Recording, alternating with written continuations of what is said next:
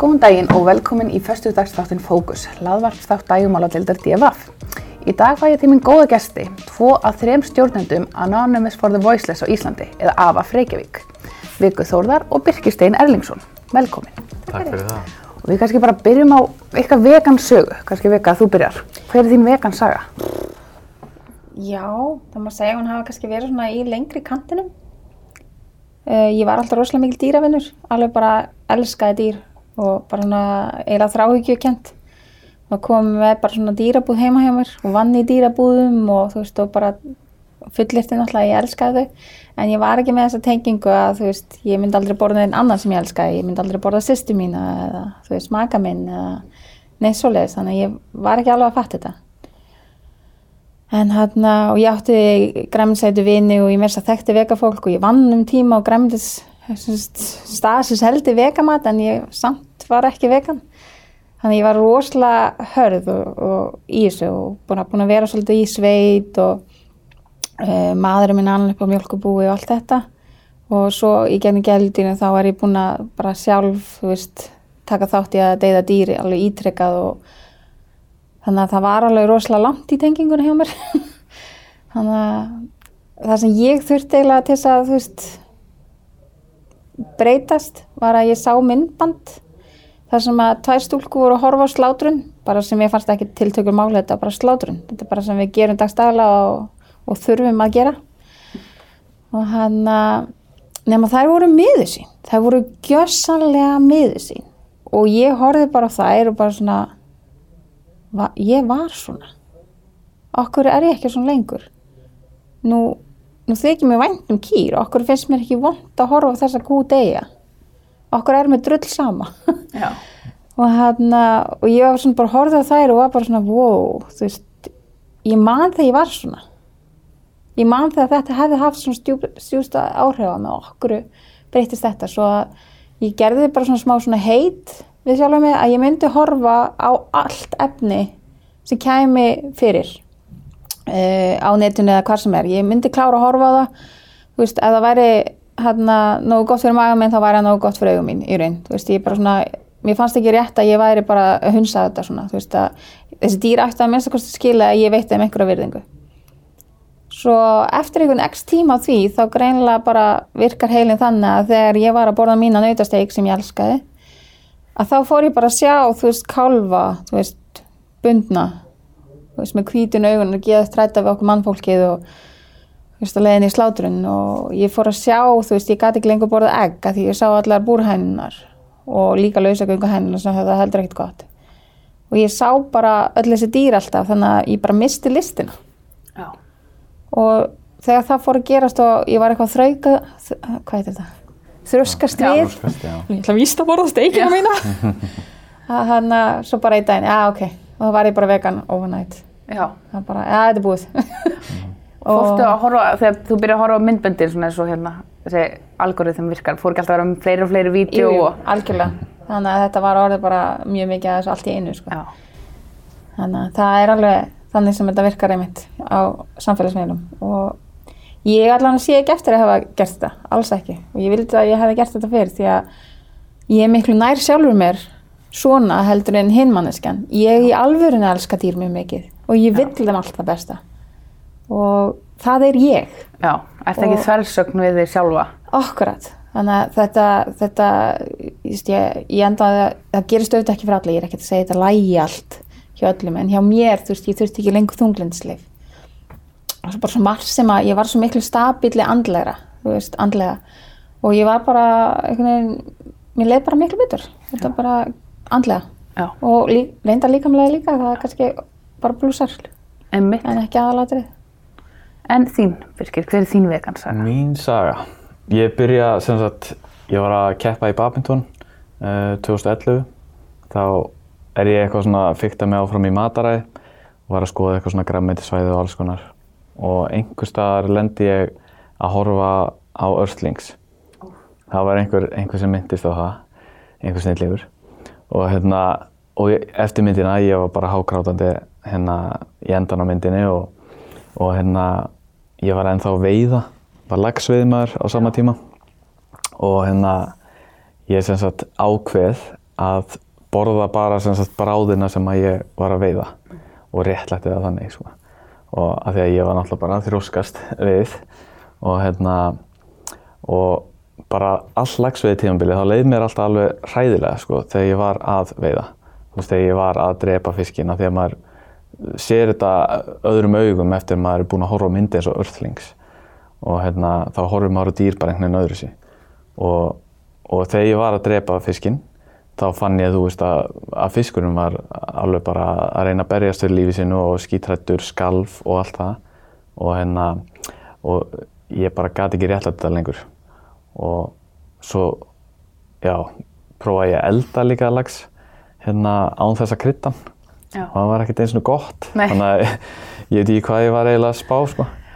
og hérna eftir sem sagt lagsveiði tímabilið þá hætti ég alveg hérna að borða lags og horfði á örlings einu sinni enn bara til þess að fá staðfestingu á, á þessu og hérna og þá byrjaði svona vegan svona sagan mín Já. einhvern veginn fór síðan og ferðaðist út um allt og, og hérna og kynntist einhverjum veganum þar og, og alls konar Og hvaðan ferðu, þess að þú fer þaðan í það að vera einn af stjórnendum Anonymous for the Voiceless á Íslandi. Já. Hvernig, hvernig gerist það og hvað er, margir spyrja sér núna örugglega, hvað er Anonymous for the Voiceless eða AFAF Reykjavík? Já, hérna til að svara fyrstu spurningunum hvernig ég byrjaði í þessu þá hérna það var að því ég var að ferðast þá kynntist ég ýmsum vegunum á, á mínu ferðalagi og, og nokkrir af þeim voru í Anonymous for the Voiceless þegar það var að byrja. Hérna, einn af þeim heitir Joey Carbstrong á hérna, hann er mjög aktífur á samfélagsmiðlum og hérna já, hann svona svolítið inspæraði mig til þess að byrja að gera eitthvað. Bara langaði að gera eitthvað í þessu af því að ég er náttúrulega búinn að vera vegan alveg heil lengi svona vissi allt sem að vita þurfti til þess að rökra hluti og, og hérna já, þá langaði mig að gera eitthvað í þessu og hérna, já, hvað var setni spurningin? Já, hvað er Anonymous for Voiceless? Nú erum við búin að tala um það og þessi fólk veit ekki hvað það er.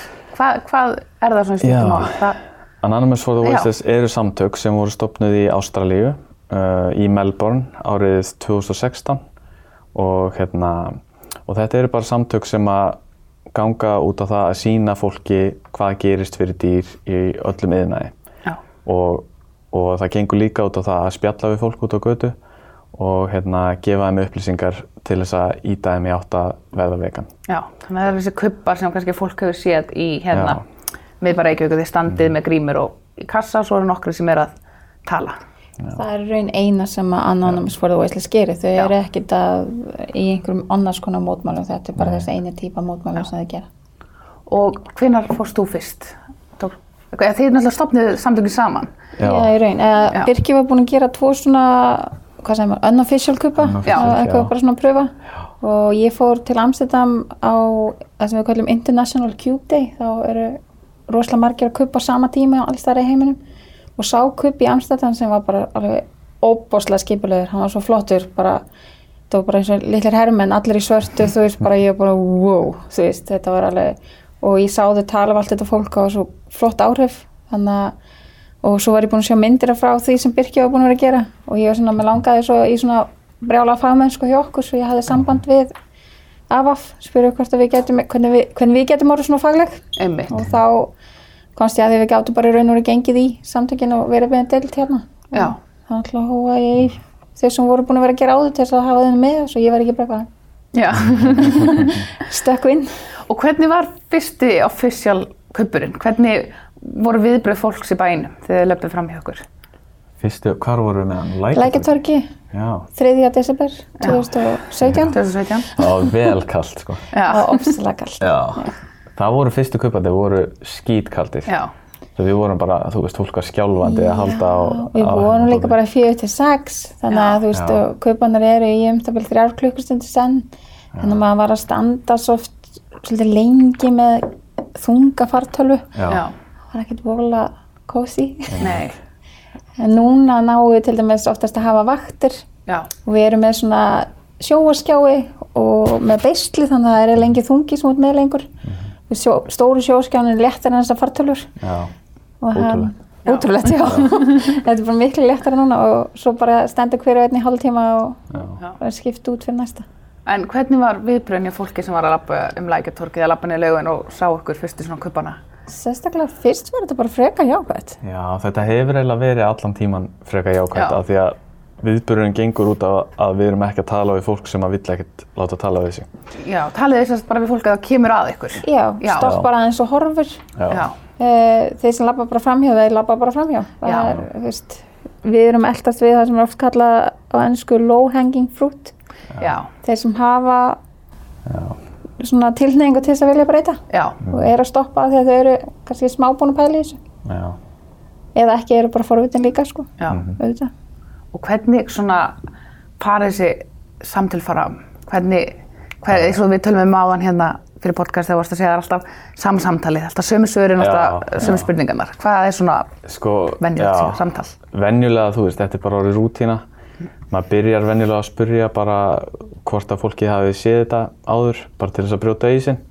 Og, hérna, og þá svarar fólk oftast bara já, ég sé þetta á netinu eða einhver staðar og, og hérna, svo spyr maður já, hvernig líður þið með þetta og, og náttúrulega lang flesti segja bara með þetta ræðilegt og þá maður, getur maður að byrja að spurja bara já, fyrst þið finnst þetta þægilegt, veistu hvaða lausn er að vinna í, skilur, hvað getur þú sem einstaklingur gert til þess að koma í veg fyrir þetta og maður spyr svona spurninga bara til þess að fá fólki til þess að hugsa um hlutin sjálft og hérna, Við viljum að þau komi sjálfs að niðurstöðun, ekki við sem Já. að fóðra það einhverju Já. niðurstöðu. já, af því að, já, einn ein hérna stillingur sem kom hérna og var, hann var með svona workshop hérna og var að kenna okkur svona hvernig er best að tala við fólk um þetta og hann sagði hérna að fólk trúir frekar því sem það segir sjálft heldur Já. en því sem að því er sagt Já, skilur basically og hérna, já, það svínvirkar maður bara leiðir þau með spurningum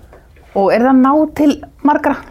Hvað, þú veist, þið teljið þið það ekki svona þeim sem þið haldið inn að hafi ná til? Já, Uh, ef það er mannskinn sem segir bara já, ok, ég held ég verði bara að vera vegan og ég ætla að pröfu þetta. Þú veist, við mælum oft með svona lausnum í endan sem Já. geta hjálpað þeim að verða vegan. Og ef þau ætla að pröfa það og eru til í þetta og eru mjög jákvæð, þá telju þau sem þú veist, eina mannski sem að er mögulega að fara í átt að vegan. Hvað er svona eina sem lausnum? Það er nokkur lausnir. Það er eh, svona áskonur sem heitir Challenge 22 Já, Uh, hún fer fram á, í, á Facebook, í svona Facebook-hópum og þau samtök eru að opna sagt, eina, eina challenge á viku. Þannig að hún stendur í 22 daga svona eiginlega 30 daga með það er svona vika í byrjun. Já, svona hit uppbytun. Og og þar er bara fólk að hjálpa þú veist Já. bara mentorar að hjálpa uh, að þú ert í vandræði með næringu eitthvað svoleiðis þá er fullt af efni frá uh, löggildi næringafræðingum um veganisma sem þau ekki hafa aðgang að og mentorinn geta bent þeim á. Og ef það er eitthvað dýpar en það þá kemur actually næringafræðingur og hjálpar. Já, uh, þú getur líka fengið enga mentor sem að hjálpa þér í skilabóðum eða þú feimið við að skrifa ofinbjörlega já, Þannig að þetta er bara rosalega svona supergóðu stuðningur fyrir fólk sem er að taka þetta skrifa að verða vegan. já. En hérna mynd, myndböndin sem þið eru með, þið eru bæði með frá hérna erlend myndbönd, þið eru líka með innlend myndbönd og því að margir halda að kjötið og maturinn hér, hérna komið frá hamgjusum dýrum sem Já. dóu í svefni, nánast og svo er þetta gerst fyrir útlendum. Já, en hvað segir fólk, er fólk mest hiss, er fólk hissa yfir myndböndum á Íslandi? já, já, já, fólk er mjög hissa sko. Sérstaklega túristar Já, er oft mjög hissa að halda að Ísland sé eitthvað svona þú veist, land það sem maður hugsa bara langbest um dýrin af öllum stöðum og all, allir eru svo friðsælir og eitthvað en þegar komast að því að við erum til dæmis að slátra hestum minna þá verður fólk alveg bara wow, bara hvað, hvað er það? Hvaða barbari eins og það? Já, hvaða vikingar eru þetta? Já. Já, En það er líka, líka alveg líka auðvitað Íslandingar sem hafa séð þetta allt og Já, veist, við, við erum svo mörg með sterkar tengingu sveit og svo leiðis og veist, maður, það er allur gangur á. Já. Eh, En það er ekkert á því heldur sko, það er bara, við spilum við alla sem vilja spila. já. heldur betur. En neikvæð viðbröð, þið eru nú niður í bæ og á kvöldtíma. Já. Hvað, hérna, lendið ekkert mann í, fáðu svíverðingar yfir ykkur eða leiðileg neikvæð viðbröð eða, Ekki oft, nei, ekki oft, en það kemur auðvitað fyrir. já. sérstaklega ef einhverju er undir áhrifum áfengi svo er, Já. Þú veist, fyrirfram eitthvað pyrrað út í vegan eða Já, eitthvað. sem margir eru, Já, já, það, það er einhver ástæði.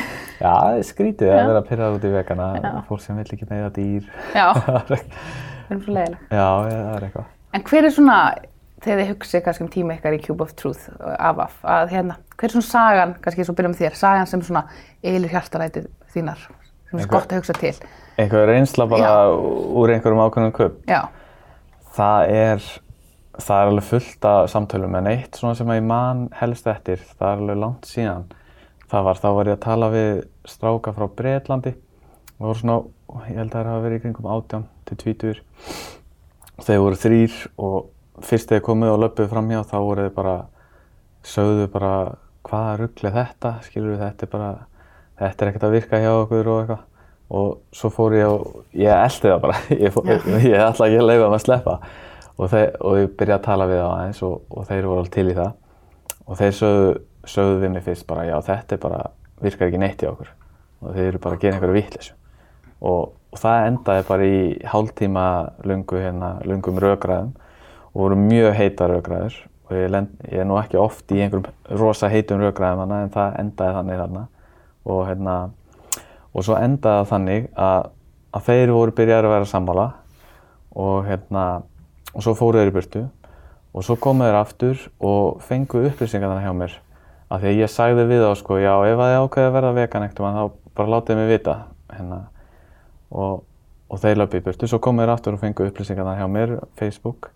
Og hérna og svona tveim vikum eða mánuði setna þá sendi einn hérna skilabóða mig og sagði bara já ég er honum vegan. nei, Já það var svona, já þá var mér mjög hlýtt í hjartanu allan. það ekki, já. gaf þið svona auka drifkraft. já heldur betur. Það er svona, ég man alveg sérstaklega eftir þessu. Já. Já. En þú, ert þú með einhver svona sögu? Já, uh, það er náttúrulega bara líka svipað uh, fólk sem hefur sem sagt, ákveð að koma í hópin af því að það við vegan á því að hitta okkur. Já. Mér finnst það alveg bara amazing, þú veist, við hefum fengið fimm daga gamla vegana með okkur. Þú veist, það er bara, wow. það tók mig alveg, ég var, því ég var stutt árið vegan, þá var ég að krýta nóttur svo engi sæði mig, þú veist, og þetta fólk bara, já, ég Já. er komin. Einmitt. Algjörir stríðsmennsku. Svo var það einhvern veginn einhver skólahópur sem lappaði fram hjá. Já, og komu síðan eftir á og sögðu að það væri sjö orðin vegan í hóknum. Bekknum, já. Í já, Út af En þetta þessu. er að skila sér. já. Já. Algjörlega. Að einhver leiti, auðvitað er að einhver sem að þetta er bara eins og að kasta þú veist, vatna á Já. þú veist, gerist ekkert. Og það hefði ábygglega verið þannig með mig hana þú veist, það er bara að misa hvað virkar og hvern. Og þess vegna er alls konar aktivismi mikilvægur. Já. og þetta virkar ákveðin hópa fólki og þess vegna höldum við áfram til þess að ná því fólki. Hini verða bara að labba fram hjá. En hvað hérna, er þið með einhverja fyrirmyndir í vegan aktivisma, einhver svona sem þið lítið upp til? Um, já, já, já, alveg fullt sko. Ég myndi segja að Gary Jurovski var einn af svona fyrstu fyrirmyndunum mínum. Hann er með semst fyrirlestur á YouTube sem heitir Best Speech You'll Ever Hear. Já. Já, svo er bara fullt af fólki. Læknarnir sem eru, eru að mæla með þessu hérna, hvað heitir hann, Dr. Gregory. Dr. Greger. Já. með nutritionfacts.org alveg frábær síða til þess að afla sér svona vísinda upplýsingar um mataræði og já, fleiri læknar og svo eru hérna sálfræðingar, Dr. Melanie Joy hún er með mjög góðan fyrirlestur um hérna hvað var það, karnism var það, er það ekki, Dr. Melanie Joy, veist ekki hún, hún bjóð til hugtækið um karnisma ég held mikið upp á hana sjálf hún er rosalega góð sko. Hvað er karnismi? já, hún fann Kjöthyggja er svona auðveldasta þýðingin Já. Um, að sem sagt, kalla fyrirbæri það í samfélaginu okkar sagt, þetta er, við hegðum okkur eins og trú með kjött Já. og hún bara skilgreinir þetta rosa flott í fyrirlesturinn sínum Já. Veist, þannig að maður flettur upp á YouTube uh, Melanie Joy og Carnism Já. það með sé að þá, þá er það bara mjög flott það er þess að einn af þeim sem er með svona teiknimyndu sem er með íslenskum texta Ok. sem ég textaði Ég seti þetta í greinina. með, myndbendir með. já, Já.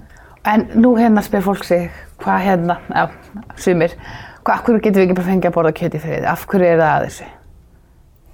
já hvað myndi maður svara því? Já, hvað, hverju svarið? Já, Einhver kommenti kerfinu sem átt að segja, af hverju við ekki bara borða kjöt í friði? Hvað er það Já. skipt ykkur að þessu? Það getur náttúrulega sagt bara eh, akkur með að dýrin ekki verið í friði. Já. Það, það er svona mitt svar Já. en, en öðru leiti er að þetta hefur bara áhrif á smart. Þetta hefur áhrif á ekki bara dýrin sem að náttúrulega mér finnst mikið. Já. Að þau kannski eiga sinn rétt líka. Veist, allt sem þú gerir varandi dýr hefur áhrif á þau. En líka sem sagt bara umhverfið. Uh, börninu okkar og framtíðina þeirra. þú Veist, þetta, þetta snýst bara ekki um raskata á þér. Nei. Basically. Afsakið hvernig ég, já. Svo er þetta líka ekkert eins og við erum að taka fólk og hrista honi það tofu eða eitthvað, þú veist, við, við erum bara að veita upplýsingar. Já. Þú getur lappa fram hjá. Já. Það er basically, Já, Fólk einhvern veginn sér fyrir sér svona vegan mótmæli eða vegan aktivism og hugsa, þú veist, að þeir væri öskrandi fyrir samveitingast að berja gluggana og okkur Já, sliðis. sko. Þið náttúrulega eru bara þögul og býðir bara þannig að fólk nálgist ykkur. já. já, einmitt. Við erum ekkert að skvetta málinga á neitt eða, Nei. eða eitthvað þannig, sko. En sá aktivismi virkar pottit á einhverja og Já. hann er að virka á einhverja og er ábygglega þarfi líka þó að við séum ekki stundi hann. Mm. Þá hann þetta er bara spurning hvað henda hverjum. Best að, að, og hver er móttækilegustu fyrir hverju. Og hvað hérna, ef ég vil vera með eða fólk vil vera með, hvað, hvert leita það? Eh, Það er hópur á Facebook, avaf, uh, tvípunktur Reykjavík og hérna, það besta að gangi hann að það þarf að svara spurningunum til þess að komast inn. Já.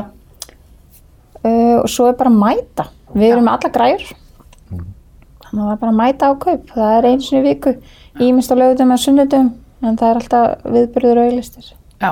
En ef fólk vil styrkja ykkur, hvað gera það þá?